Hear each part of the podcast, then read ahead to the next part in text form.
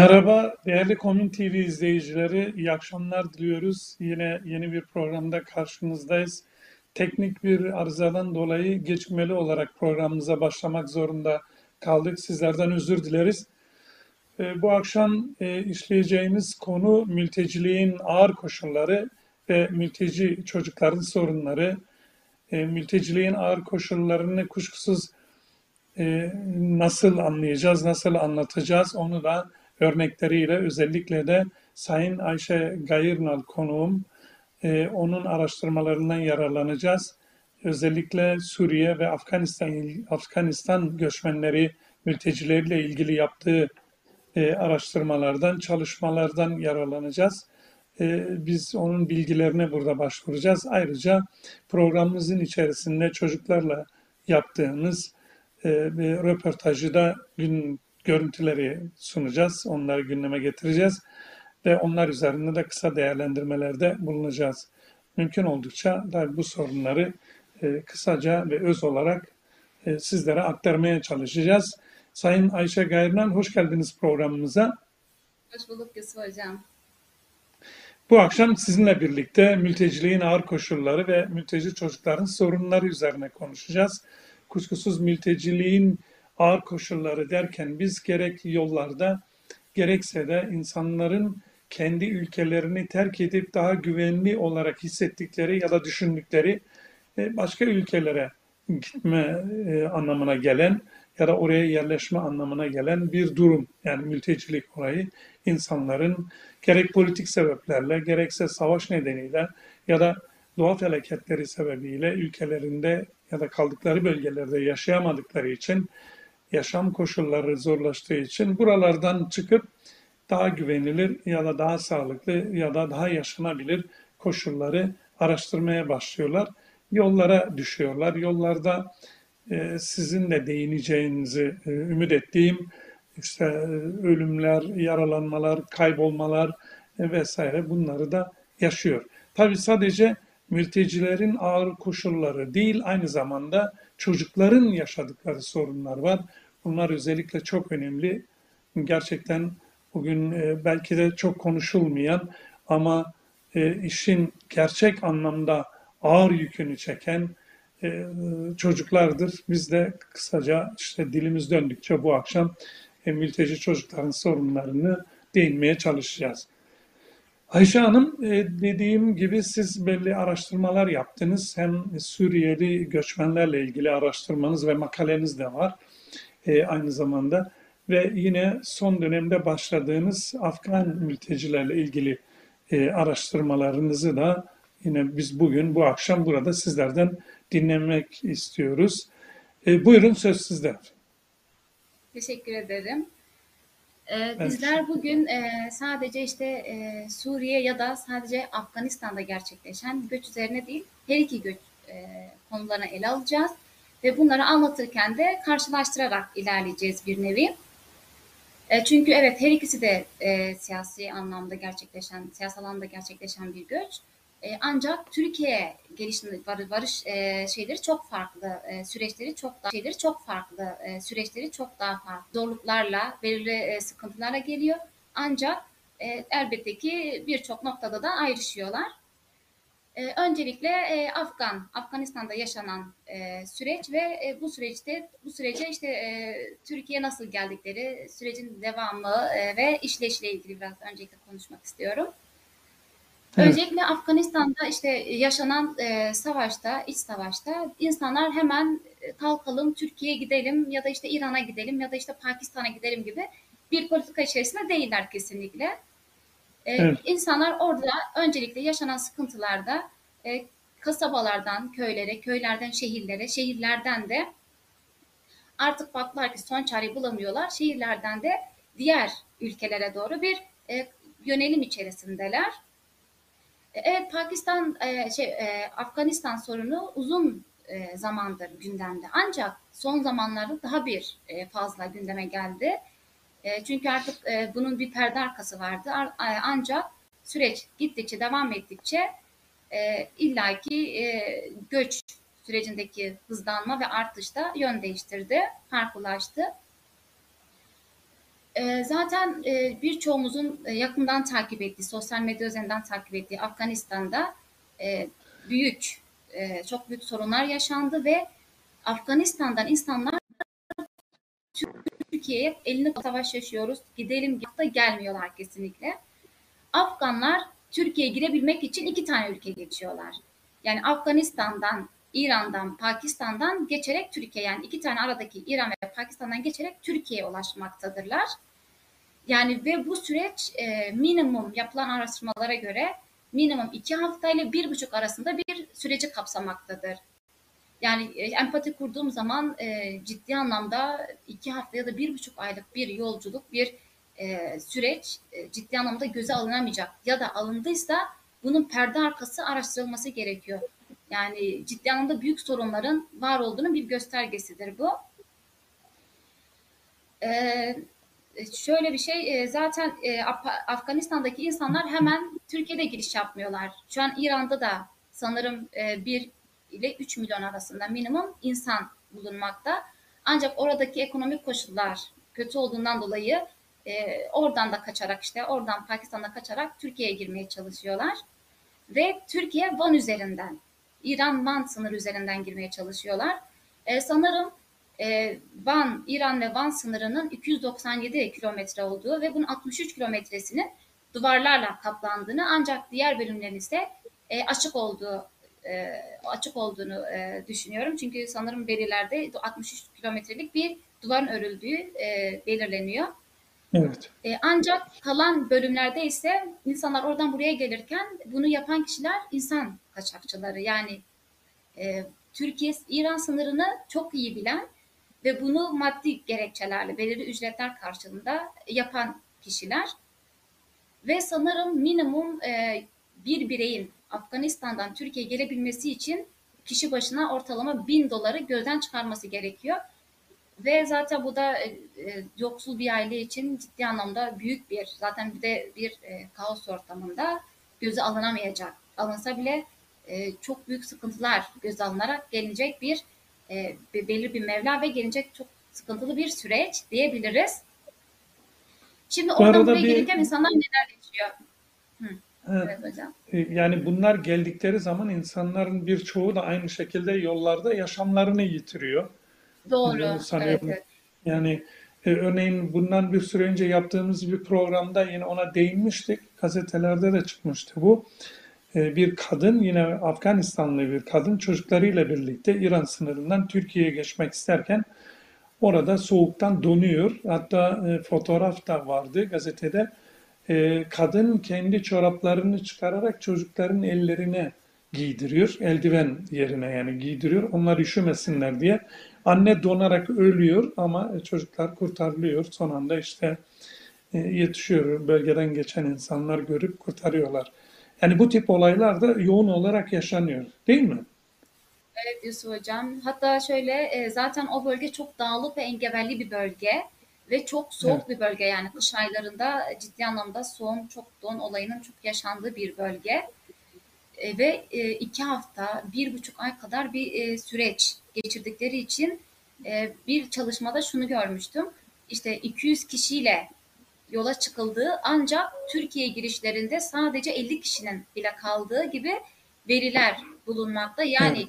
geride 150 insanın e, belirli sebeplerden dolayı belki taciz, belki tecavüz, belki soğuktan donma ya da vahşi hayvanlar tarafından parçalanma, öldürülme ya da Afganistan'da yaşadığı ağır koşullardan dolayı e, kendini intihar etme yani isteyerek yani o evet. psikolojik durumun ağır basmasından dolayı belirli nedenlerden dolayı kendi canına kıyma gibi e, birçok olayla karşılaşıyorlar.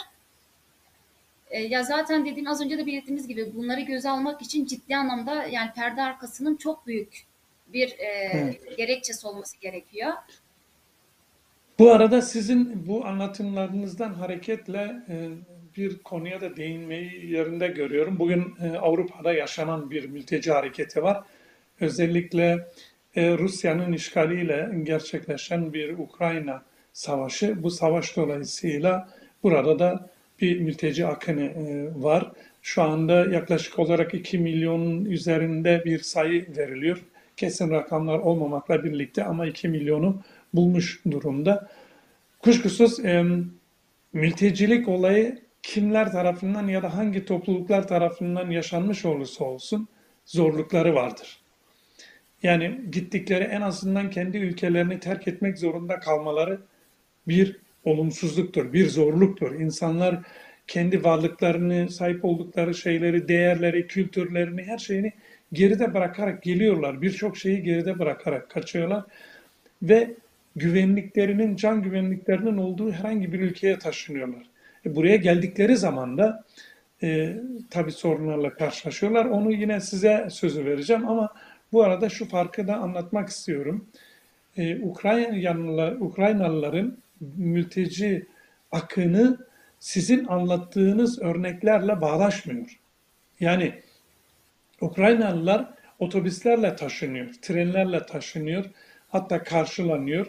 Ee, eğer savaş koşulları zorluğu olmasaydı bazı devletler başta Almanya olmak üzere uçakla taşımayı e, konuştu, tartıştı ama e, trenlerle ve otobüslerle e, taşıma yoluna gidiyorlar. Onları yerlerine taşıyorlar, yerleştiriyorlar, okullara, evlere yerleştiriyorlar ve insanların ihtiyaçlarını karşılıyorlar. Hatta hemen hemen gelir gelmez bütün herkese 3 yıla yakın yani 3 yıllık bir çalışma müsaadesi ve oturma müsaadesi veriyorlar. Şimdi bunları karşılaştırdığımızda tabii farklı ama bir yandan da o sizin anlattığınız mültecilerin tabii Türkiye'de kalmayıp Avrupa'ya kaçmak istediklerini yani Avrupa'ya geçmek istedikleri de bir gerçek. E, Avrupa'ya geçmek isterken denize sürülüyor, boğuluyorlar, ölüyorlar. Dağlarda, yollarda ölüyorlar. İşte geldiler Avrupa'nın sınırına dayandılar.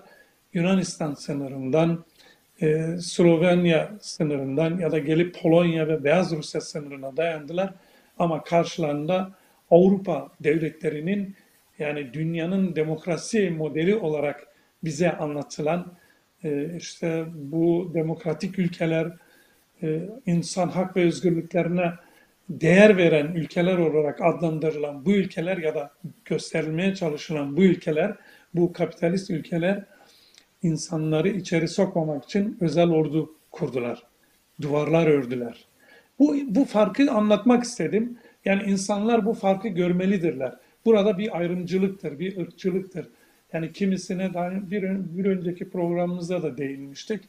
Bir yandan insanların renklerine, geldikleri kültürlerine bakarak onları aşağılamak varken öbür yandan da geldikleri ülkeler ve kültürlerine, inançlarına bakarak onların sahiplenilmesi olayı var.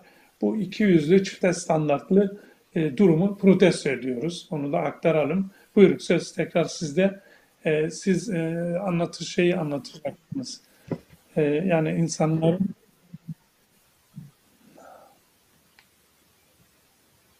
Özür dilerim burada. Bu konuda yani, çok haklısınız Yusuf Hocam. Evet, Çünkü Buyurun. genel anlamda baktığımız zaman e, yani evet Suriye'de açık kapı politikası izlendi. 3 milyon, işte 4 milyon, 5 milyon yani minimum işte 3,5 ile 4 milyon arasında bir Suriyeli göçmenden e, bahsediyoruz. E, Türkiye'ye giriş sağladılar. E, Afganistan'da insanlar yine Taliban şeyinden dolayı işte e, yönetiminden dolayı, baskılardan dolayı öldürülüyorlar. Zorla savaşa e, yönlendiriliyorlar. Ve insan canı o kadar artık basitleşmiş durumda ki affedersiniz bir e, tavuk keser gibi ya da öldürür gibi e, insan katlediyorlar. E, evet. Yani Suriye ya da işte Afganistan'da olay böyleyken e, Ukrayna'da çok daha farklı bir e, strateji izlediler. E, tabii gönül istiyor yani Ukrayna'ya uygulanan politikanın diğer ülkelere de işte bir Suriye'ye de Afganistan'a da ya da yarın bir gün e, yaşanacak farklı bir ülkede aynı desteği e, tekrar görmek hepimizi sevindirecek. E, elbette ki bu konuda yani ülkelerin izlediği e, kimliksel farklardan dolayı da elbette e, yani insan bu noktada duruyor yani neden e, Avrupa ülkelerinde ya da işte Ukrayna'da gerçekleşen savaşta insanlar taşınırken ya da dünya ayaklanırken bütün ülkelerde birçok ülkede e, propagandalar gerçekleşirken bazı ülkelerde özellikle Orta Doğu ülkelerinde e, yaşanan katliamlarda, ölümlerde neden insanlık sus pus durumda. Bunlar da tabii e, sorgulanmalı ve masaya yatırılıp böyle tek tek ele alınması gereken detaylı konular Evet. diyebiliriz. Burada e, siz yani yollarda gelirken tabii karşılaşılan sorunları, zorlukları anlatmakla bitmez belki de gerçekten çok çeşitlidir. Geldikleri, yerleştikleri ülkelerdeki e, koşulları nasıl? Yani Türkiye'ye yerleşen Afganlar ve Suriyelilerin yaşadıkları zorluklara biraz değinir misiniz? Evet tabii. E, yaptığımız e, analizlerde zaten işte e, Suriyelilerle ilgili çalışmamı Cizre'de gerçekleştirdim. Şırnak'ın Cizre ilçesinde. Ve e, 2019 yılında yapmış olduğum bir çalışmaydı ve ilk olma özelliğiydi. Daha önceden o bölgede böyle bir çalışma yapılmamıştı. E, 150 tane Suriyeli aileyle görüştüm.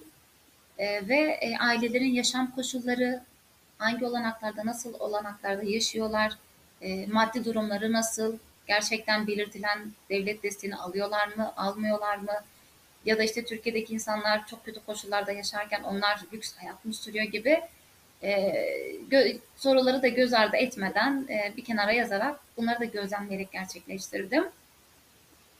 Tabii benim yaptığım araştırma Cizre üzerinde olduğu için oradaki Suriyeliler e, daha çok e, Kürt kökenli olan Evet. insanlar. Yani Arap kökenli olanlar daha çok Arapların daha yoğun yaşadığı Hatay, Antep ve Kilis gibi bölgelere e, göç etmişken Kürt kökenliler de illaki kendi e, dilini paylaştığı insanlarla aynı ortamda kalmayı tercih etmişler. Ve yaşadıkları e, evlere baktım. E, yani 150 tane Suriyeli gerçekleştirdim. İnanın bu 150 tane Sur 150 tane Suriyeliden belki bir 10 tane 15 tanesi bir tık iyi diyebileceğimiz evlerde yaşıyorlardı. Onun dışında birçoğu e, toprak evlerde ya da işte kışın yağmur yağdığı zaman evin içine e, evin içinin su dolduğu, çocukların çok kötü koşullarda, sağlıksız koşullarda hayatını devam ettirdiği, idame ettirdiği, eğitim bağlamında sıkıntı yaşadığı, kimliksel anlamda e, evet bir noktada e, Cizre e, e, dil olarak Kürtçeyi konuştuğu için dilsel anlamda sorun yaşamasalar dahi birçok kültürel anlamda olsun ve diğer e, çocukların eğitim ve sağlık, barınma, beslenme gibi noktalarda da büyük sorunlar yaşadıklarını da gördüm. Evet. Ve belirtilen büyük mevlalarda da ücret almadıklarını da dile getirdiler. Elbette ki bizim burada Yusuf Hocam e, belirtmiş olduğumuz e, Suriyelileri ya da işte e, göçü şey kılmak değil. Ancak empati kurduğumuz zaman ciddi anlamda e, göç birçok ülke için gerekli. Yani insanlar yaşamları için göç ediyorlar. Ölümden Evet. kaçıyorlar.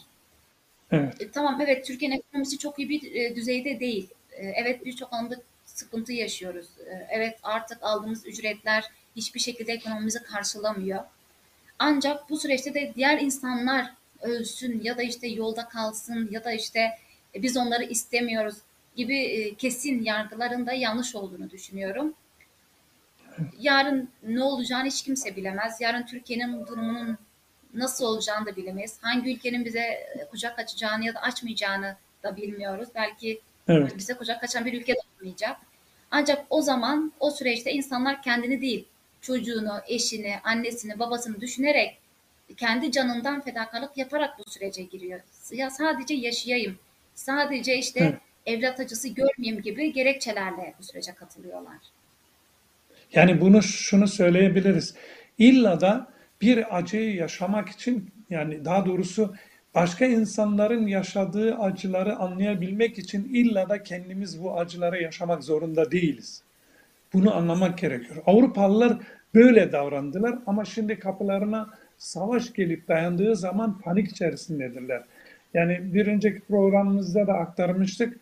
Bugün özellikle Almanya'da e, alışveriş merkezlerinde ya daha doğrusu süpermarketlerde e, kağıt yok, un yok, konserve çeşitleri yok. İnsanlar e, evlerine yığıyorlar bunu. İşte yarın öbür gün Rusya bize de saldırabilir. Benzeri e, korkularla kendilerini koruma altına alıyorlar. Bu arada sizin bu değindiklerinize e, bağlantılı olarak sizin aynı zamanda konuşmanıza da destek olacak bir e, videomuzu ekrana e, arkadaşımız ekrana getirirse 3 numaralı videoyu ekrana getirirse rejideki arkadaşımız memnun oluruz.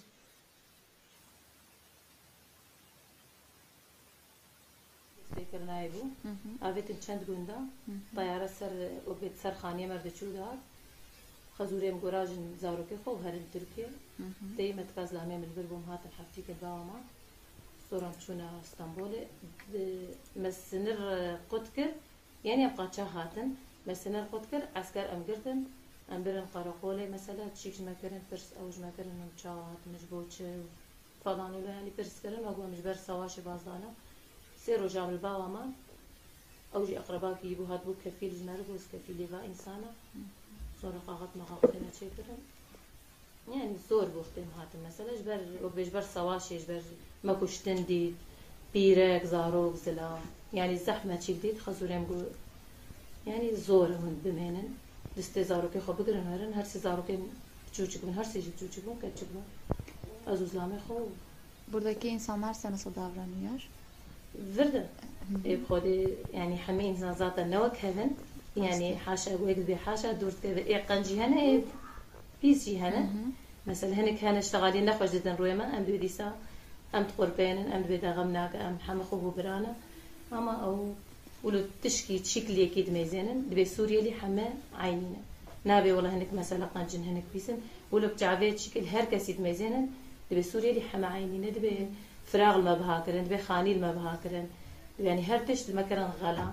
اما دستيمه انا دستيمه ده Şimdi bazı insanlar şey diyor işte Suriyeliler mesela işte devlet onlara çok para veriyor, Hı. çok destek هذا veriyor. بيجي تبيجي Doğru mu değil mi? En بيجي azından- تبيجي اي ما كان يعني مثلا تشتي جوج مرتي زاروك بلكي صد مليون زاد شخص دين زاروك يعني معاشي مكتبية Hı, o her çoğu insanın var. اري دبينا دبيج ما اجمد بند دين سوريا نا ولا زلامه تنت شغل فاف كت صالا daha ام كراي دنا يعني زور زور ام خو چيكتكن ام toplamış كان دكان كريا خو فاتوره خو تشتي خو بدن بركسنا ودبي دريم ام دیندار چكنه الحمد لله يعني هدي هدي ام خو چيكتكن دبينا سوريالي معاشي مدبن ددن سوريالي انا ارتشتنا وابد صابني فيم الباطماني هنا yardım etmekte تشت من نسلان ديال فر اسطنبول بلدية ددامة بلدية اسطنبول ارزاق ددامة سردما ها ددامة وصار كيجيش بوفا وتشوزيمة معاش دانوا وجيو فيت تشكيلي Neden? من اسلان Çünkü hani yani bazı insanlar şey diyor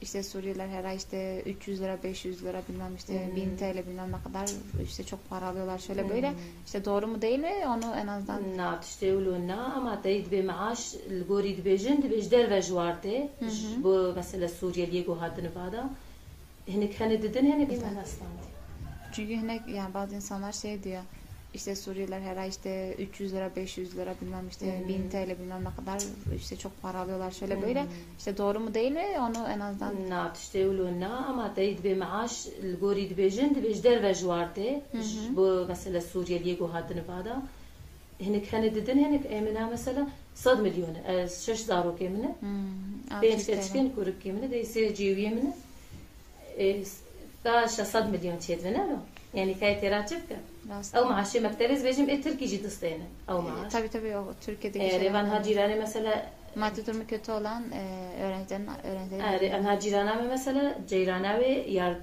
ياردم مثلا اندرم أيام تشينا بد بي نو وطن داشي أيام تشينا اذا فرقيت بك انك تخني تجاهلي سوريا بتشك ام جي برخط كذا مثلا هاتنا تشتل ما بهاكرن يعني امند يعني إيه، نەرۆکێک کریا خانیە مد نەرۆکی مەسە لە جێرانێ مەدرازێنن ینی يعني کا مەسە لە داوا چل و ئینسانی ئەم ژین ها مەسە لە أم ئەم هاتن بر ئەم دوێ خۆدێ نەکرد این هات شتێک تورکی چی بکەم هێرن کو دەری ینی يعني گەرک بێ ئەوژی دوشن میشکن مەسە ئەم ئینسانن ئەو ئینس ئەم هەمە مسلمانن ماناڵە طيب، يعني الحمد لله إيه، الحمد لله الشكر يا ربي. دي ساجي الحمد لله خدي تقدينا خدي درباسك إن شاء الله. آه. Evet Ayşe Hanım, e, sizden ricamız bunun bir özetini sunar mısınız bize? Röportajı Evet. aynı zamanda gerçekleştirdiniz. Teşekkürler. Buyurun. Teşekkür ederim. Ee, Yusuf Hocam e, kendisi şunları söylüyor. İşte e, biz işte Suriye'deyken işte üzerimizden uçaklar geçti. O süreçte işte ölümü gördük. O süreçte onun dışında açlığı gördük. Onun dışında sefaleti gördük. Ve daha sonraki süreçlerde artık böyle olmayacak dediğimiz noktada e, işte kayınbabam, işte kayınpederim gitmeliyiz. Çünkü artık can güvenlikleri kalmadığı için gitmeliyiz demiş. Ve kendileri ilk başta İstanbul'a yerleşmişler, oraya gitmişler. Orada belli bir süre yaşadıktan sonra daha sonra tekrardan işte Batman'a dönüş yapmışlar. Ee, ve bu süreçte de işte yaşadıkları sıkıntıları falan anlattı. Ee, işte kimliksel bir dışlanma yaşadıklarını, onun dışında işte Evet. ırkçı, ırkçılıkla yani dışla e, ırk- yani nasıl desem Suriyeli oldukları için e, belirli söylemlerle karşılaştıklarını belirtiyor.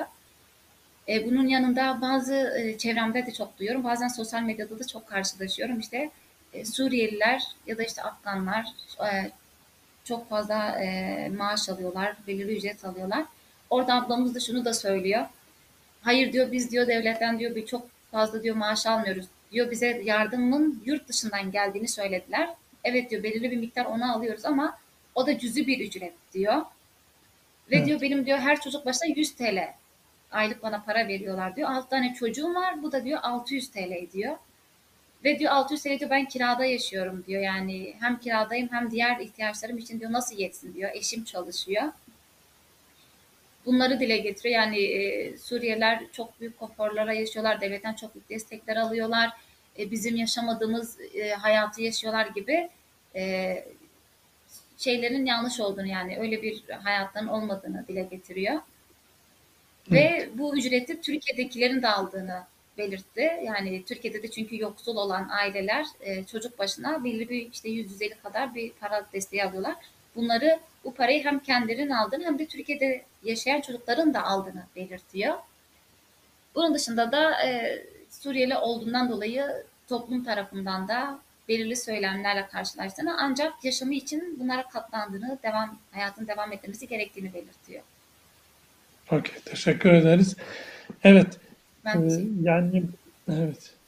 E, tabii benim de aynı şekilde sizin anlattığınız şekilde çok yüzde yüz olmasa da anladığım kadarıyla anlattıkları, yaşadıkları zorlukları. Biz burada aynı zamanda bu video aracılığıyla da e, o yanlış propaganda yapanlar veya e, o yanlış propagandanın etkisinde kalan insanlara anlatmak istiyoruz. Diyoruz ki mülteci olmak insanların kendi istemleri değil. Ya, zorunda kaldıkları için geliyorlar insanlar ve birçok tehlikeyi, riskoyu, riski göze alarak ölümü bile gö- yani ölümü bile göze alıyor. Yollarda ölen çocuklar, e, anneleri, babaları ya da anne çocuklarını kaybedip yola düşen anne ve baba ya da anne ve babasını kaybedip yollara düşen çocuklara tanık oluyoruz. Dolayısıyla e, insanlara e, hor yaklaşmayın. Empati kurun. Yarın öbür gün bizlerin hepimizin başına gelebilir. Hepimiz göç etmek zorunda kalabiliriz. Bu sadece savaş olmak zorunda da değil. Günümüz dünyasında doğanın tahribatına yönelik olarak kapitalistlerin geliştirdikleri politikalar e, gerçekten dünyamızda büyük felaketlerin yaşanabileceğinin haberlerini veriyor. Doğal felaketlerin. Daha geçen bir hafta ya da iki hafta önce kadardı Avustralya su altında kaldı. Yani bu insanlar biz de yarın öbür gün benzeri koşullarda kalabiliriz, göçmek zorunda kalabiliriz. Gittiğimiz ülkelerde insanlardan biz de bize iyi davranmasını bekleriz. Yani bize hoşgörüyle baksınlar, yardım etsinler isteriz. Bu beklentimiz olur. Dolayısıyla bütün insanlara karşı e, empati kurarak yaklaşmak zorundayız. Yani ırkçı söylemlerle, şövenist söylemlerle, insanları aşağılamayla, kültürlerinden dolayı, dillerinden dolayı, ülkelerinden dolayı aşağılamak kesinlikle insani bir durum değildir, insani bir yaklaşım değildir. Buna düşmemeliyiz. Bu video aracılığıyla da bir mesajlar vermek istedik. Sizin hocam. bu konuya ilişkin söyleyeceğiniz e, bir var mı başka bir şey yoksa diğer konumuza geçelim. Ben şunu söylemek istiyorum Yusuf Hocam. Ciddi anlamda empati dediniz. Yani empati noktasında e, çok gerideyiz. E, çünkü e, 1961 yılında Türkiye'den Almanya'ya biliyorsunuz ki büyük bir göç yaşandı. Evet, Yani e, bugün Almanya'da sanırım yani minimum 3, 3 milyona yakın insanın yaşadığı varsayılmakta ve ayrıca Fransa, Hollanda ve diğer Avrupa ülkelerinde. Ve insanlar gençlerimize baktığımız zaman şu an Almanca öğrenmeye çalışıyorlar, kurslara gidiyorlar. Yurt dışına işte Almanya ve birçok ülkeye giderek daha iyi yaşam koşullarına sahip olabilmek için. Çünkü insanların e, elbette ki en büyük haklarından bir tanesi daha iyi standartta da yaşayabilmek.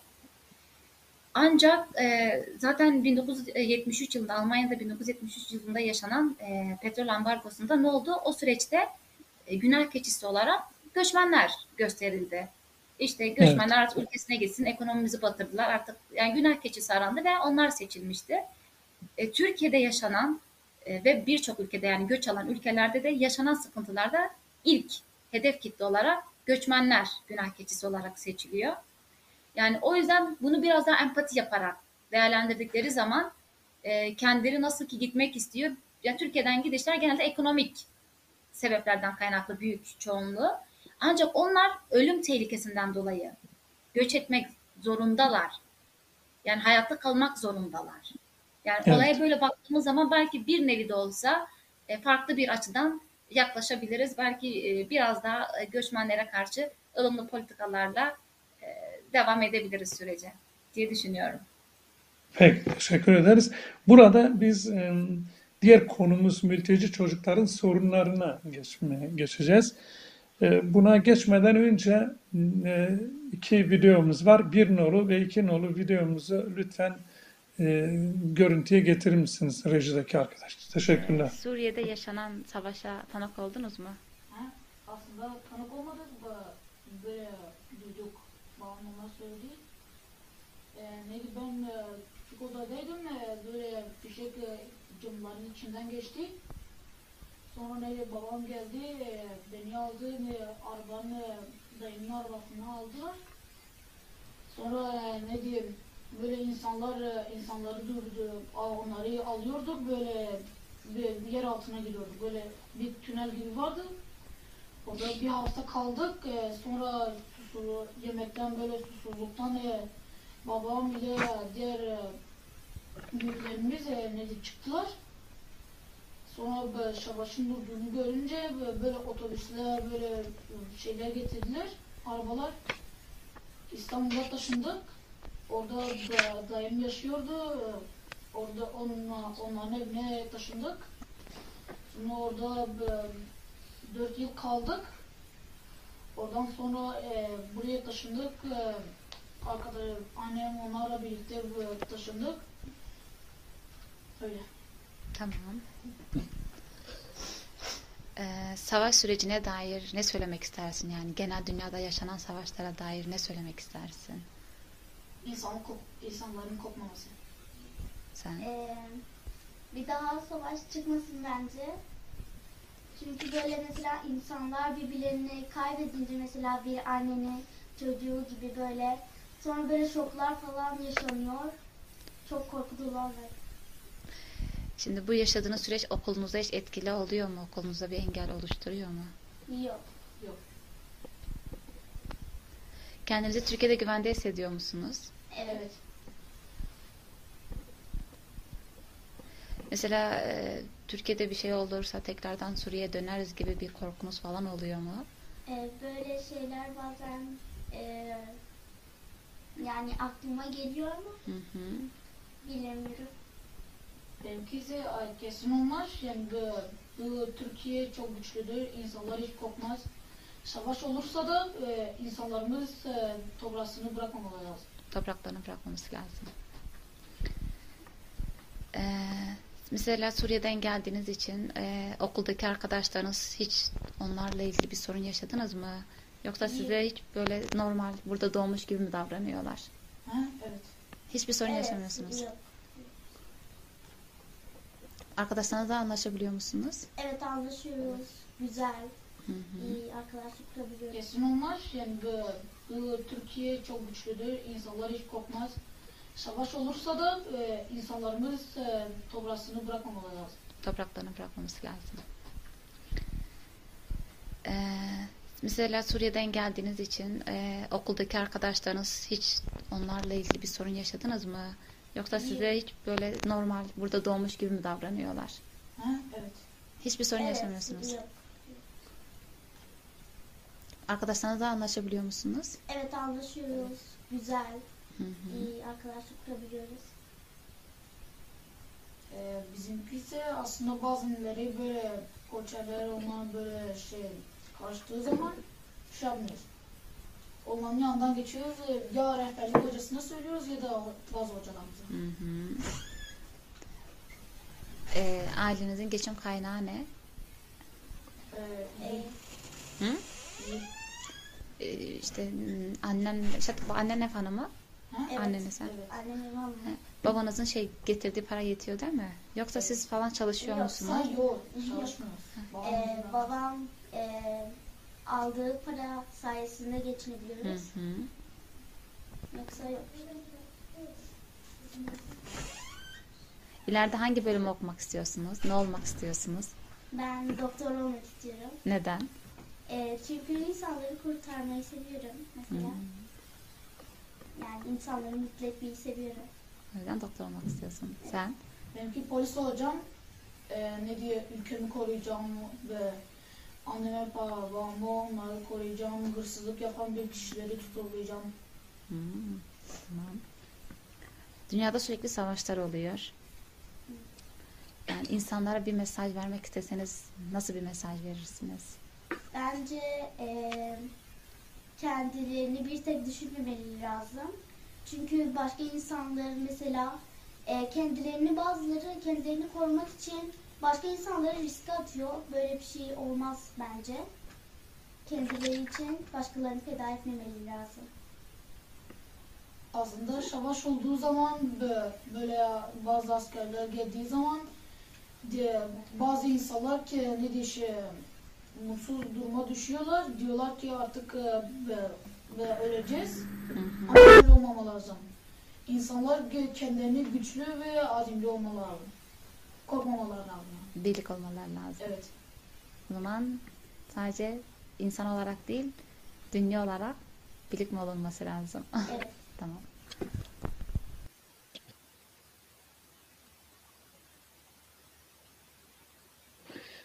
Evet bir videomuz daha var. İsterseniz onu da izleyelim.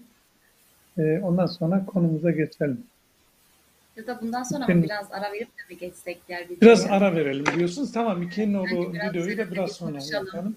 Şimdi burada evet e, burada bakın biz e, ses, yani çocuklara sorulan sorular aslında aynı zamanda e, mülteci çocuklarının geçtikleri ya da yerleştikleri yerlerde karşılaşabilecekleri sorunlardan hareketle soruluyor bu sorular. E, burada aldığınız yanıtlarda bazen e, çok iyi gözükmekle birlikte ama aynı zamanda aslında o çocukların çevre tarafından nasıl yönlendirildiği ya da daha doğrusu çevrenin nasıl konuştuğu, onlara nasıl davrandığının ipuçlarını veriyor. Evet. Örneğin- Ayrıca Yusuf Hocam bunu da belirtmek gerekiyor. O çocuklar e, az önce konuşan iki tane e, çocuğumuz onlar e, Evet. çok küçük yaşta Türkiye'ye gelmişler. Yani bir ya da iki yaşlarındaydı.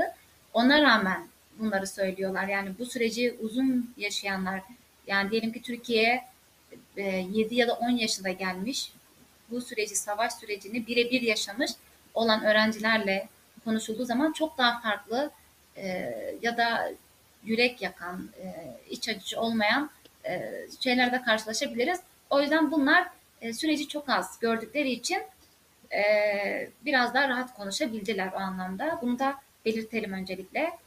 Çok küçük yaşta Türkiye'ye giriş yaptıklarını. Evet.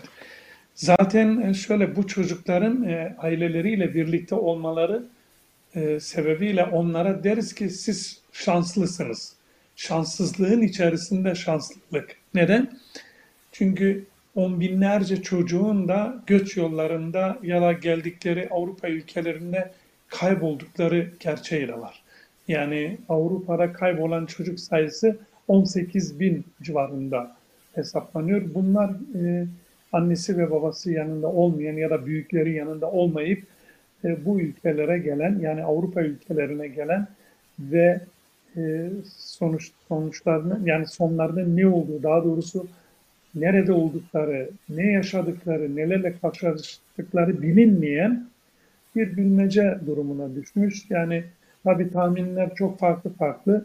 İşte kimisi bir kısmının organ mafyası tarafından e, öldürülüp organlarının satıldığı, kimisi işte seks ihtiyaçlarının giderilmesi amacıyla çocukların satıldığı ya da alındığı yönlü, e, işte kendi evlerine hizmetçi olarak aldıkları, kimilerinin e, işte onları zor koşullarda çalıştırdıkları yönlü çok çeşit çe- çeşitli şekillerde söylemler var ama bunun araştırılıp ortaya çıkarılması yönlü de hükümetlerin herhangi ciddi bir e, çabası yok. Bu anlamda e, bu duyarsızlığı da kınadığımızı burada belirtmek istiyoruz.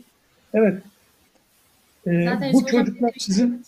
Buyur, buyur. Afganistan'dan e, Türkiye'ye gelirken o yaşadıkları uzun süreç ve çok zorlu bir süreç. Ten kaynaklı mesela İran ve Van sınırında e, buzlar kalktığı zaman, kar eridiği zaman birçok kemiğin ortaya çıktığı belirtiliyor. Ve Evet. o süreçte yani az önce de belirtmiştik e, yayın ilk aşamalarında başlarında 200 kişiyle çıkılan bir yolculuk 50 kişiyle sonlanabiliyor. Yani geriye kalan 150 kişi nerede? Tamamı Evet. öldü mü, kaçırıldı mı ya da dediğiniz gibi belirli ihtiyaçlar için alıkonuldu mu bunları hiçbir şekilde bilmiyoruz. Ve sanırım 2015 ve 2016 yılları arasında e, 80 ülkeye 200 bin tane çocuğun e, şeyi istenmiş. Yani kimsesiz çocuk bildirilmiş. Yani Evet. 2015-2016 yılında 200 bin tane çocuğun kimsesiz olduğu yani bunların aileleri nerede? Bu yolculuk Evet. sırasında ölen insanların ne kadar fazla olduğunu yani annesini babasını ve çok yakınlarını kaybeden kişilerin ne kadar büyük bir e, mevla oluşturduğunu da gözler önüne seriyor bir nevi. E, tabii bugün asıl konumuz e, çocukların ailesinden ziyade çocuklar, kaybolan çocuklar ve bu çocukların nerede olduğu ya da yaşadıkları psikolojik sorunlar ve sonrasında getirdiği diğer sorunlara daha çok değineceğiz inşallah. Evet. Söz sizde. E, Burada e, ben şunu anlattım. Yani bu e, mülteci çocukların özellikle savaş bölgesinden gelen ya da politik baskılara uğrayan politik sebeplerle de göçmek zorunda kalan ailelerin çocuklarının karşı- karşılaştıkları çok farklı tabii sorunlar var. Yani psikolojik ve sosyolojik sorunlar var. Yani özellikle bu çocukların geldikleri yerlerde savaşı yaşamışlarsa, ona tanık olmuşlarsa üzerlerine çok ağır etkiler bırakabiliyor. Yani bunlar örneğin sonraki süreçte kabuslar görebiliyorlar, korkuyorlar insanlardan ya da kendileri o savaşın verdiği etkiden dolayı e, kişilik bozuklukları, şiddetten şiddet, şiddete yatkın olma, e, başkalarına kendini kabul ettirebilmek şiddet yolları için şiddet yollarını seçme veya e, burada işte diyelim ki aynı şekilde madde bağımlısı olma durumu yani o acılardan kurtulmak için ya da onları yaşamamak için farklı yolları deneyebiliyorlar. Bu çocuklar aynı zamanda okullarda da e, başarısız oldukları yönlü araştırmalar da var. E, hiperaktif pozisyona düşebiliyorlar bu insanlar. Yani herkesi rahatsız eden, başkalarının haklarına saygı göstermeyen, illa da kendini zorla kabul ettirmeye çalışan, aktif hareket ederek kendini kabul ettirmeye çalışan davranış biçimlerine de rastlanabiliyor.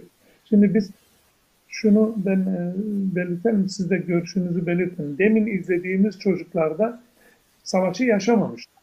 Ama bu çocuklar korkudan söz ediyor. İnsanlar korkmasın diyor. Ve e, oradaki erkek çocuk kendi kaçışlarını anlattığı zaman bir tünelden söz ediyor.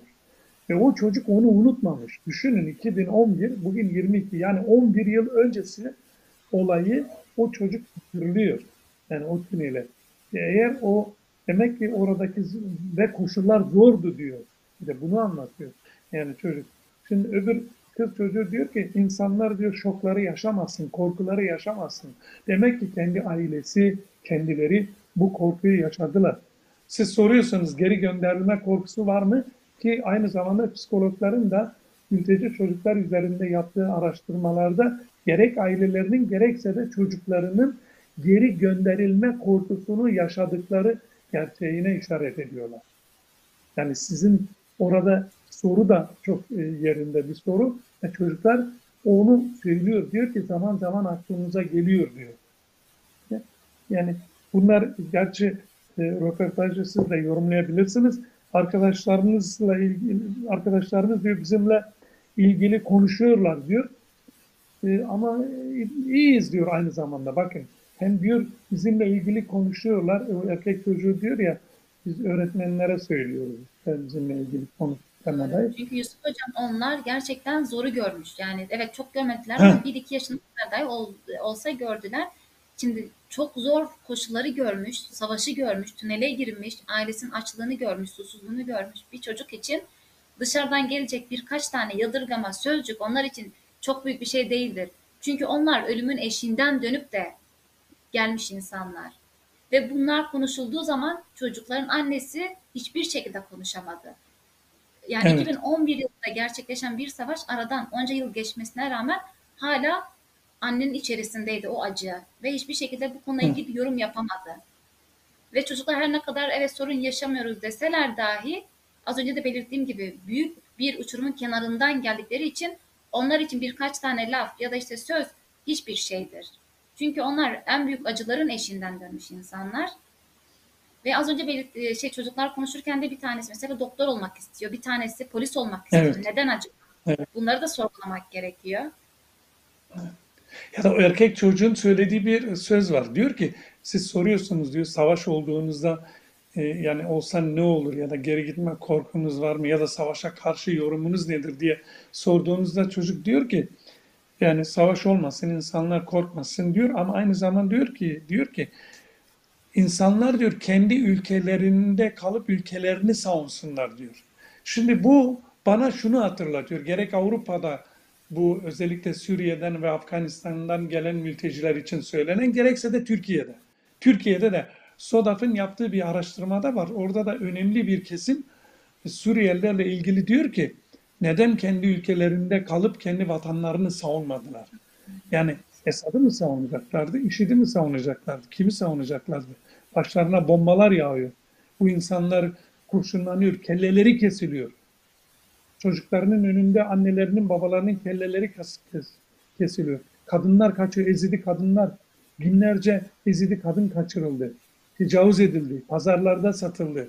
Nasıl bu insanlar canlarını kurtarmak için yani elinden geleni yaptılar. Şimdi o çocuğun o söylediği aslında e, bana şu çağrıştırır. Çevresinde bu tip şeyler söylendiği için toplum tarafından Suriyeliler kaçıp geldiler korkaklar. Bak çocuk diyor ki Türkler diyor korkmaz. Güçlüdür diyor Türkiye. Korkmaz insanları diyor. Ya? Ve oradan hemen e, şeye gidiyor. O savaş olduğu zaman insanlar kendi ülkelerini önce korumalıdırlar diyor. Ve orada savunmalıdırlar. Yani bu bile o çocuğun anlattığı bile toplum tarafından nelerin konuşulduğunu, e, nasıl bunların aşağılandığını ipuçlarını veriyor. Buyurun siz de e, e, ekleyeceklerinizi bu konuda söyleyeceğiniz varsa. Ee, hem de o kız çocuğumuz da hatta konuşurken e, diyor ki işte savaş sürecinde diyor insanlar bir tek kendini düşünmesinler. Heh, evet. Kendi çıkarları için e, savaşmasınlar. E, insanlar toprak sevdasından, ekonomik sevdalardan ya da işte belirli kaynakları elde edebilmek için binlerce, milyonlarca insanın insanın kanını yere dökerek çocuklara ve ailelere çok büyük korkular ve şiddetler yaşatarak belirli e, amaçlarını gerçekleştirebilmek için çok büyük bir hüsran geride bırakıyorlar. E, çocuklarına Hı. bak, e, bakın çocuk daha çok küçük yani belki 10 yaşında anca var ve e, bunu dile getiriyor. Ülkeler kendi çıkarları için sadece kendi menfaatleri için bir şeyler yapmasınlar diyor. E, buradan da tabii illaki çocukların maruz kaldığı konuşmalar, çevresinden duyduklarını e, bir nevi çıkartabiliyoruz. Ve Evet. erkek çocuğumuz da polis olmak istiyor mesela. Neden polis olmak istiyor? Demek ki e, orada bir şey yapamamak, küçük yaşta olmak ya da onlara yardım elinin uzatılmamış oluşu çocuğu e, belli şeylere yönlendirmiş. Ailemi korumak için, insanları korumak için polis olmak istiyorum. Yani o sürecin birer kalıntısı bunlar aslında baktığımız zaman. E, ancak tabii bunlar Evet. çocuk olduğu için süreci biraz daha onlar için e, yüzeysel olarak yani çok sorun yaşamadıklarını belirtiyorlar. Ancak bir e, psikolog hocamızın ya da işte e, rehber öğretmenimizin e, görüşmeleri e, şeyinde çerçevesinde farklı sonuçlara varılabilir. Daha detaylı çocuklar üzerinde oluşan psikolojik sorunlarla ilgili de bilgiler edinilebilir elbette. Evet. Ee, devam edelim mi yoksa diğer videomuzu da görüntüye getirelim isterseniz? Evet, izleyelim hocam. Onu da, evet, onu da izleyelim lütfen. Rejideki arkadaşımız görüntüye. Evet. Ee, Suriye'de yaşanan savaşa tanık oldun mu? bir yerde hatırlıyorum. Ee, böyle hani savaşları hatırlamıyorum ama geldiğimizi hatırlıyorum. Hı hı. Ee, böyle askerler falan vardı. Ee, zor geçti biraz. Bu kadar aklıma tamam. Ee, kendinizi Türkiye'de güvende hissediyor musunuz? Hissediyorum.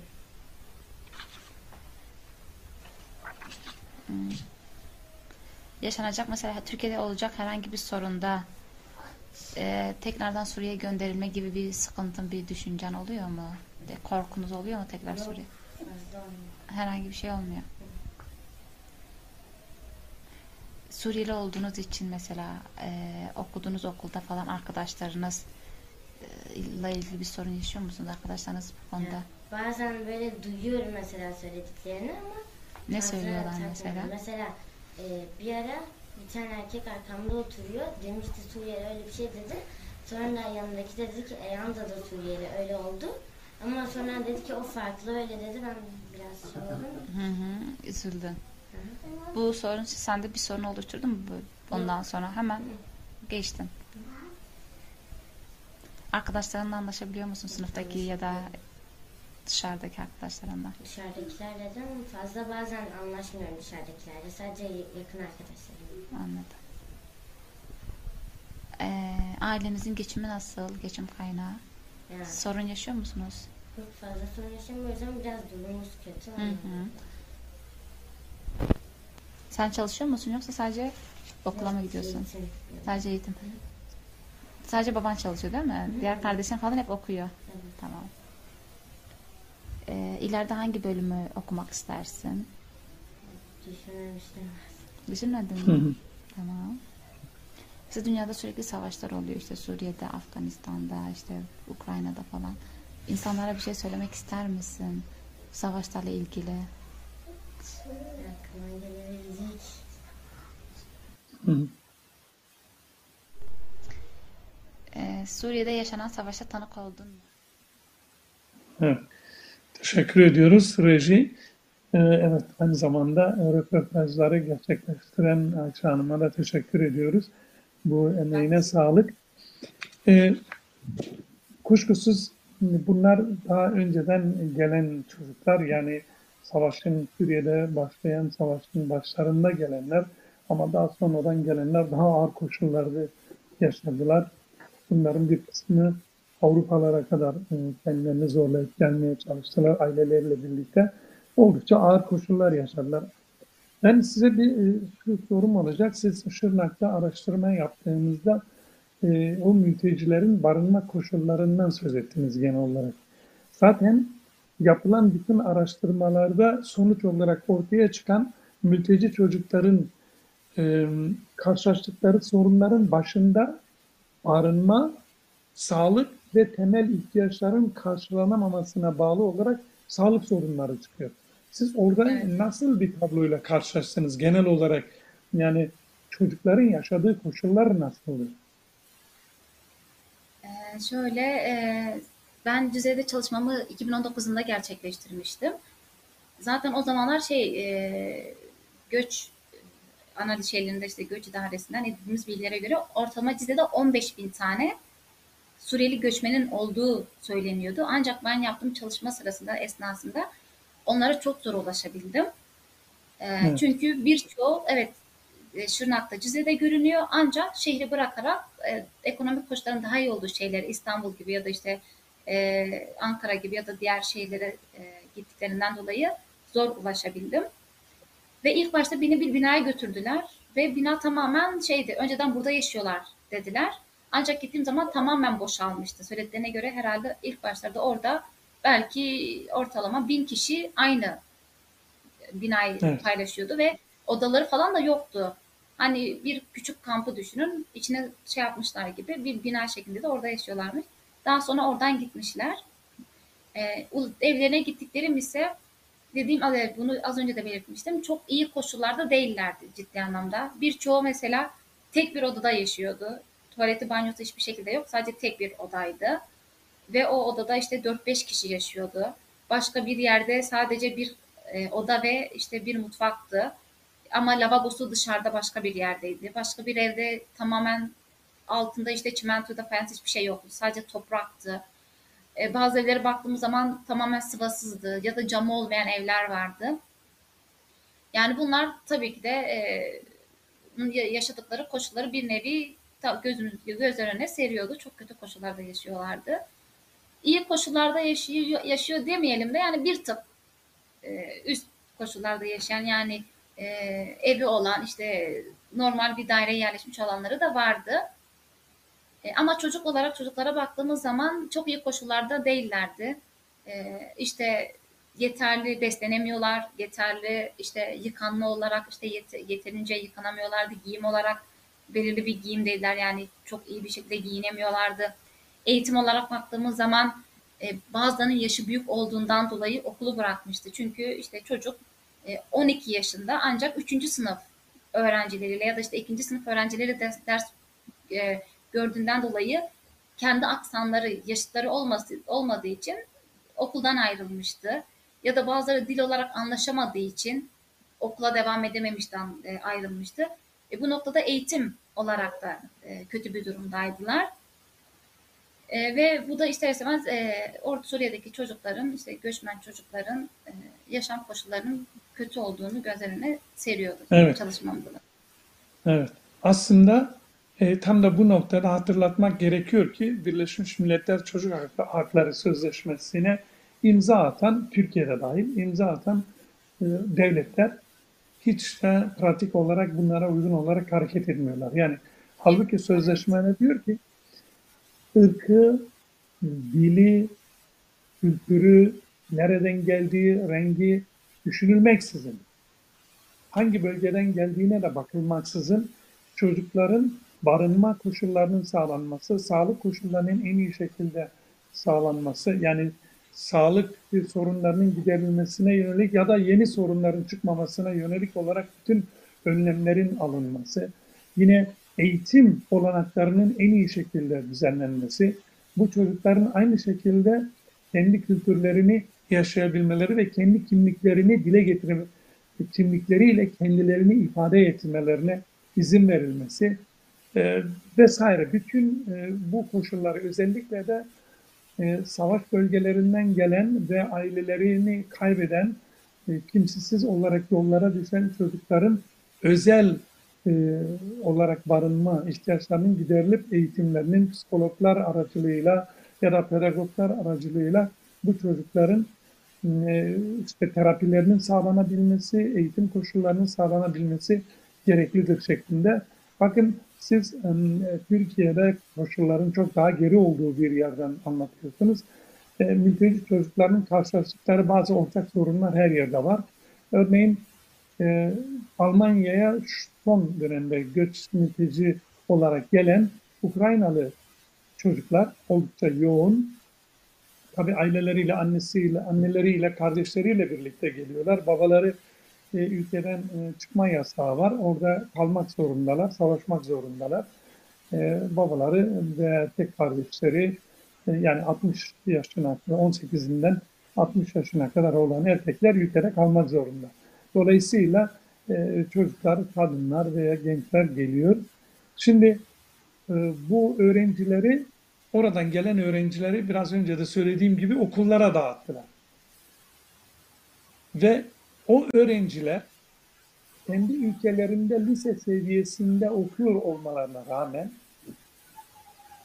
işte Almanya ya da Fransa'ya geldiklerinde dil sorunu olduğu için daha alt seviyedeki okullara yani lisede olması gereken e, gençler, çocuklar e, ortaokul seviyesine e, eğitime gönderiliyorlar. Ve buralarda da o çocuklar şaşkın bir şekilde sınıfta oturuyor, kimisi uyuyor. Çünkü anlayamıyor, öğretmenin anlattığını anlayamıyor. Ya da çocuklar konuşuyorlar, onların anlattıklarını anlayamıyor. Düşünebiliyor musunuz? Ee, öğretmen, öğretmen konu savaşı anlatmak zorunda ki son dönemde Milli Eğitim Bakanlığı'nın e, genelgesi var burada. e, savaşla ilgili çocuklara açıklamalar yapın diye. Ama öğretmen savaşla ilgili açıklamayı yaptığı zaman Rusya ve Ukrayna kelimelerini kullanmamaya özel özen gösteriyor. Çünkü onları o çocuklar duydukları zaman rahatsızlık duyuyorlar. Bizimle ilgili mi konuşuluyor diye. Yani bir kaygıları oluyor. Öğretmen bunlara dikkat etmek zorunda kalıyor. Ve çocuklar şunu anlatıyor. Diyor ki biz geldik sahip çıkıldı bize. Koşulları iyi. Burada kalabiliyoruz. Savaştan uzağız. E, evimiz de var. işte ihtiyaçlarımız da karşılanıyor. Ama biz arkadaşlarımızı orada bıraktık geldik. Biz okulumuzu bıraktık geldik. Burada bilmiyoruz, tanımıyoruz. E, insanlar bize iyi davranıyor ama yine de bir kopukluk var. Yani çocukların aslında dünya genelinde yaşadıkları sorunlara e, sorunlara değinildiği zaman çok daha detaylı. Tabii bu konu çok daha detaylıdır. Sizin de dediğiniz gibi bir psikologlar ve pedagoglar e, öncülüğünde bu işlerin araştırılması lazım. E, araştırma yapanlar var ama biz özellikle bu bu programın hazırlanması e, sürecinde e, konuya ilişkin olarak araştırma yapan birkaç e, eğitim görevlisine ulaşmaya çalıştık ama bize dönüş yapmadılar. E, öyle olsaydı daha farklı daha farklı olacaktı. Ama e, olsun biz de dediğim gibi dilimiz döndükçe e, kavradık. Burada birkaç noktaya daha değinelim. Eğitim haklarından söz ettik. Örneğin e, çocuk asker olayı var. Yine ucuz iş gücü olarak götürülüp çalıştırılmaları var. Yapılıyor bu. Küçük Tüm yaşta bunlar aslında nasıl buyurun? küçük yaşta evlendirilen kız çocukları var. Çok küçük Evet. yaşlarda çok ağır koşullarda çalıştırılan çocuklar var tekrardan. Evet. Ee, küçük yaşta e, çok ağır yükler yüklenen, ailenin bütün yükünü omuzlayan çocuklar var.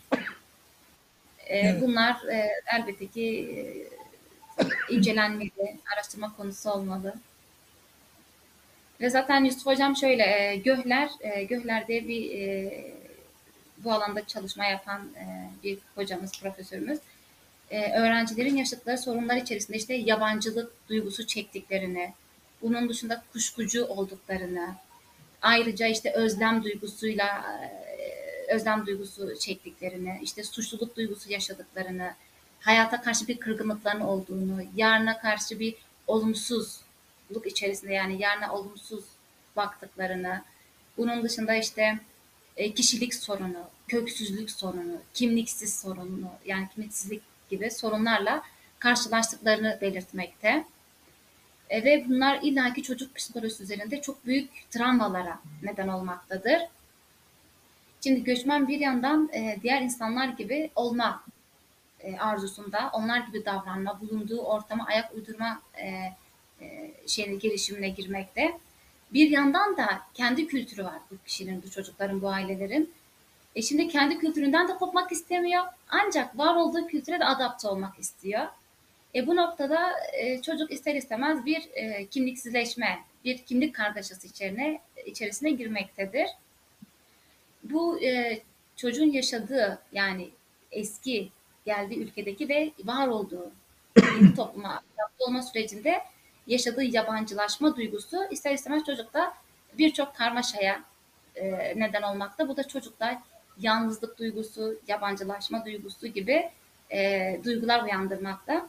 E, bu da zamanla çocukta e, anksiyetik veya depresif belirtilerin çıkmasına da neden olmaktadır. E, ve bunları da artırıyor zamanla ister istemez. Şimdi bu belirtmiş olduğumuz e, olaylar çocukta nedir? İşte iştahsızlık, hazımsızlık, uyku düzensizliği, baş ağrısı. E, bu çocuğun bu yaşadığı sorunlar ise süreç içerisinde ister istemez çocukta e, psikosoma, e, psiko, e, psikosomatik e, Evet. şikayetlerin de yani fiziksel bedensel şikayetlerin de ortaya çıkmasına neden oluyor ne yazık ki. E, biz e, perde arkasına hep belirtiyorum bakmıyoruz. Ancak yaşadığımız olaylar zaman içerisinde e, önümüze birçok e, daha kadar e, sorun yığmaktadır. Eğitim anlamında, kişiliğin oluşması anlamında işte ırkçı e, insanlar işte farklı bakış açısı artık. Çünkü benimsenmeyen bir ortamda çocuk karşıdaki insan da benimseyemiyor. Ve bu şekilde de ister istemez bir çatışma, bir e, kendi içerisinde bir çelişki yaşamaktadır. Bir e, izleyici sorusu var. E, siz soru istemiştiniz, tam da geldi. Ülkedeki yabancı düşmanlığı seviyesi ne? Birlikte yaşayabilmeye yönelik kuramsal mantık ya da dünya halklarının kardeşlik teorisi ne? Yani biz bunu bu kadar olayları anlattık. Bunları peki nasıl açıklayabiliriz? Yani e, şeye Soruyu baktığımız zaman anladınız değil e, mi? Soruyu anladınız. Yani evet soru biraz uzundu. yani ırkçı olarak şeye baktığımız zaman e, Yabancı düşmanlığı seviyesi ne diyor Hı hı. ülkede? Yani Türkiye'de yani e, bu bölgelere göre değişiyor Yusuf Hocam. Şimdi şu bölgeye göre şu derecede yabancı düşmanlığı var diye bunu ayrı ayrı şehirler bazında ele almak gerekiyor. E çünkü mesela Şırnak'ta yaptığım çalışmada insanlar çok fazla yabancı yani ya- yabancı düşmanlığı yaşamıyorlardı. Çünkü e, onlar da Kürt asıllı. Çünkü Kürtçe konuşuyorlar ve e, biraz daha insanlara e, daha duygusal baktıkları için e, empati kuruyorlardı. Mesela sorduğum zaman yerli halk rahatsız mısınız? Hayır diyorlardı. Anlaşmasızlık yaşıyor musunuz? Hayır diyorlardı. Çocuklar okullarda ta- tabii ki de sorun yaşıyorlardı. Ancak birçok bölgeye göre minimum düzeyde sorun yaşıyordu. Ancak şimdi Evet. İstanbul'a baktığım zaman örneğin şimdi bunlar evet Arapça ve Kürtçe biliyor. Ancak Türkçeleri çok zayıf ya da hiç bilmiyorlar.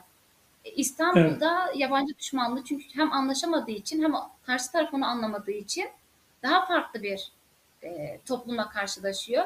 E, Şırnak'ta, Batman'da ya da işte Hakkari gibi bölgelerde ise farklı bir e, toplumla karşılaşıyor. Ve Doğu insana yakın olduğu için kültürleri, yaşayış biçimleri bu konuda daha minimum derecede bir e, yabancı düşmanlığıyla karşılaştıklarını düşünüyorum. Yani gözlemlediğim oydu Doğu bölgelerinde. Evet. Ancak diğer bölgelerde de farklılık gösterdiğini düşünüyorum. Çünkü yaşayış biçimleri, dilleri çok farklı, kültürleri çok farklı onlara göre. Yine burada bir tık daha benzerlik gösterebilir. Evet.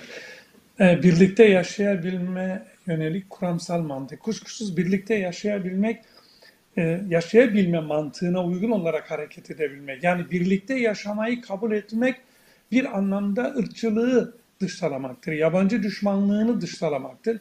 Ve farklılıklara ra- fa- farklılıklarına rağmen insanları kabullenmektir. Yani insanların diline, kültürüne, rengine bakılmaksızın, inancına bakılmaksızın insanların olduğu gibi kabul edilmesidir. Ve insanların yaşadıklarıyla kendi yaşamı arasında bir empati kurabilmektir. Yani eğer biz eğer biz farklılıklarına rağmen insanları kabullenmeyi ve onlarla birlikte yaşamayı bilinç haline dönüştürürsek yabancı düşmanlığının, ırkçılığın yaşamasının olanakları olmaz, koşulları olmaz. Bunu toplumda bizlerin ya da toplumun ileri gelen insanların yani aydınlarının, yazarlarının, çizerlerinin, sanatçısının, gazetecisinin yapması gerekenin yabancı düşmanlığını dışlayıcı, ırkçılığı, şövenizmi dışlayıcı anlatımlar, yazışmalar, yazmalar, konuşmalar ya da oyunlar sergilemektir. Yani biz farklılığımıza rağmen insanız, birlikte yaşayabiliriz, anlaşabiliriz. Bu dünya hepimiz için yeterlidir. Hepimiz için yeterlidir. Ama bu dünyayı bize dar eden ve dünyanın bütün zenginliklerini elinde bulunduran mülk sahiplerinin, kapitalistlerin, büyük kapitalistlerin e, yarattığı bu ortama biz düşmemeliyiz.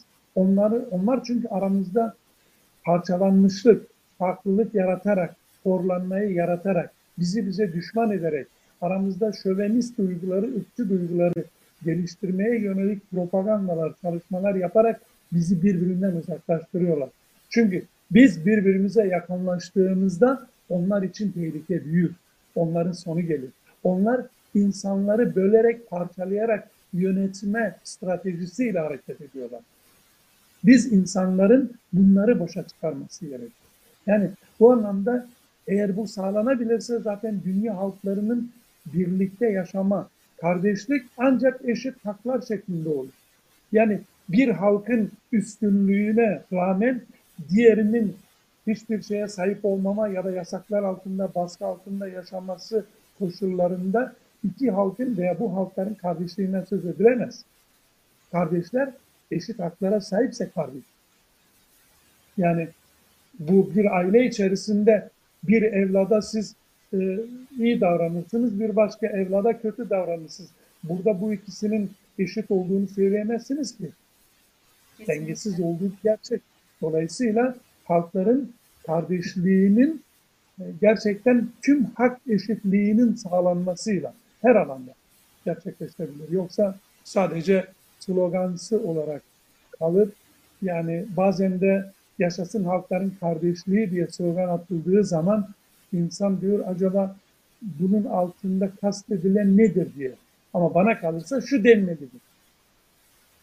Yaşasın tam hak eşitliğine dayalı halkların kardeşliği denmelidir ki gerçek ifade edilebilsin.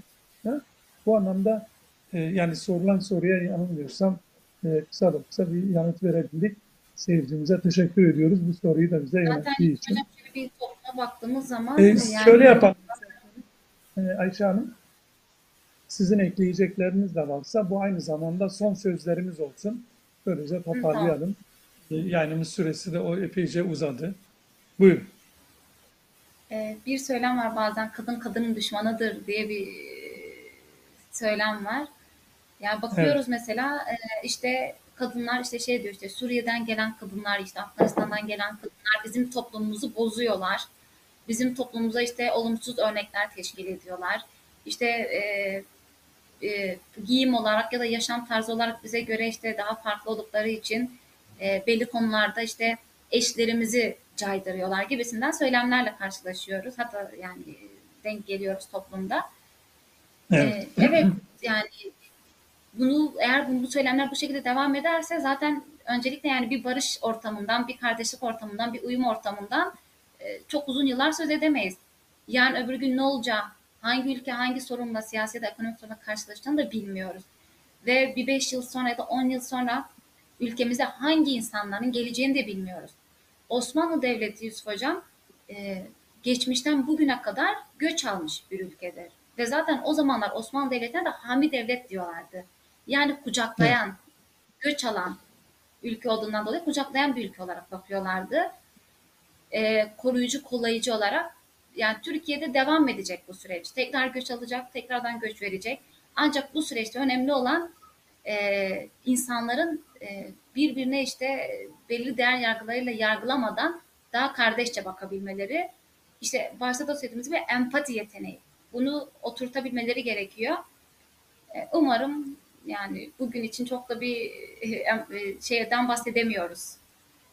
E, Evet. Barışçıl bir ortamdan söz edemiyoruz ne yazık ki. Peki. Ancak bir Rusya Ee, ya da işte evet. bir Ukrayna'ya kucak açıyorlar. O da enteresan bir şey. Bakıyoruz işte Rusya'dan geliyorlar, Almanya'dan geliyorlar, Ukrayna'dan geliyorlar. Ülke böyle kucak açıyor. Ancak işte bir Evet. Suriye'den, bir Afganistan'dan geliyorlar. Ülke daha bir dışlayıcı politikayı izliyor. Hatta ülke vatandaşları diyelim. Yani orada da bir soru işareti Evet. var. He, güzel. Burada aklıma hemen geldi. Ee, Rusya'dan e, çok sayıda insan göç ediyor. Özellikle bunların büyük çoğunluğunun genç ve eğitimli oldukları yönünde bilgiler var. Ve bunların önemli bir kısmı, bakın göç ettikleri yerler e, Kazakistan, Gürcistan, Türkiye. Ya yani tercih edilen ülkelerin içerisinde önde gelen bir ülke de Türkiye ve sizin de dediğiniz gibi bunları kucaklıyorlar, yerde gösteriyorlar. Ee, Yani farklı davranıyor. Türkiye'de de bu farklılık aynı şekilde görülebiliyor. Yani zenginlere, e, işte para getiren bölgelere daha doğrusu herhalde daha farklı yaklaşıldığının bir e, gerek, ger- gerçeği bu aynı zamanda. Ee, evet başka ekleyeceğiniz e, ya da son sözünüz varsa buyurun söyleyin. Ee, güzel bir yayındı. Umarım yararlı olmuştur. Umarım insanlar bir tık daha olsa olaylara empati kurarak e, yaklaşırlar. E, Ve yarın aynı durumda biz de olabiliriz. Ya da e, canın verdiği can sevgisi derler ya işte her şey bir kenar Evet. ama işte insanın e, kendi canı çok farklıdır. Yani canını kurtarmak için geldiklerini göz ardı etmememiz gerekiyor. Bunları düşünerek biraz daha işte insanları dışlarken, insanlarla ilgili yorumlar yaparken e, bunları da göz önünde bulundurmalarını rica ediyorum. Evet. Teşekkür ediyorum. Ee, yayınımıza ederim. katıldığınız için emeğin, emeğinize sağlık. İyi de röportajlarda da yine aynı şekilde gösterdiğiniz çabadan e, dolayı sizlere teşekkür ediyorum. Ee, Ben teşekkür Sorunu bağlarken çocukların sorunlarıyla ilgili olarak kuşkusuz bu akşam anlatabildiklerimiz yeterli değil. Çok daha farklı ve çözümüne ilişkin olarak da kısaca bir iki şey söylemek istiyorum. Biraz önce de değinmeye çalıştık. Ee, çocukların geldikleri yerlere, kültürlere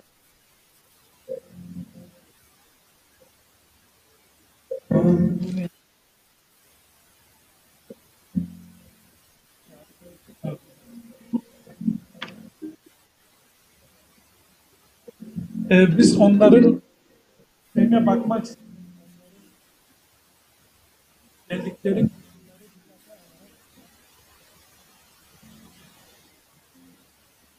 özür diliyorum.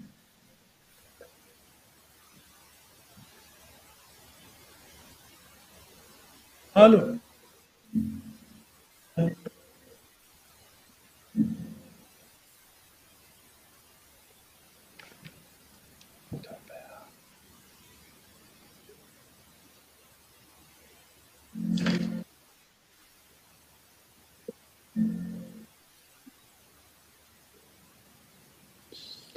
Ne kötü bir şey. Biz hocam sesiniz geliyor. Ya e, özür dilerim, çok özür diliyorum. Tam sözlerimi bağlayacaktım. Çocuklarla ilgili olarak, çocukların sorunlarının çözümüne ilişkin olarak bütün devletlere düşen görevler var. Onların yaşadığı koşulların iyi sağlanabilmesi, eğitimlerinin sağlanabilmesi e, ve aynı şekilde bunların gelecek yaşamlarını kurabilmeleri için bütün olanakların sağlanması e, e, yönlü e, çabalarımız durmamalı ve bütün devletler kendilerine düşen sorumlulukları yerine getirmek zorundalar. E, bunu hatırlatalım. E, bizleri izlediğiniz için bütün seyircilerimize teşekkür ediyoruz. E, bu akşam da yayınımızın sonuna geldik. Bir sonraki yayında buluşmak üzere. İyi akşamlar diliyoruz. Yaşamınızda güzellikler olsun. E, rejide bize yardımcı olan, yayını gerçekleştiren arkadaşlarımıza teşekkür ediyoruz. Emeklerine sağlık diyoruz. İyi akşamlar. İyi akşamlar Sayın. Ekse Gay Gayrnal teşekkür ediyorum. Tekrar bir dahaki Ben programda e, görüşmek üzere.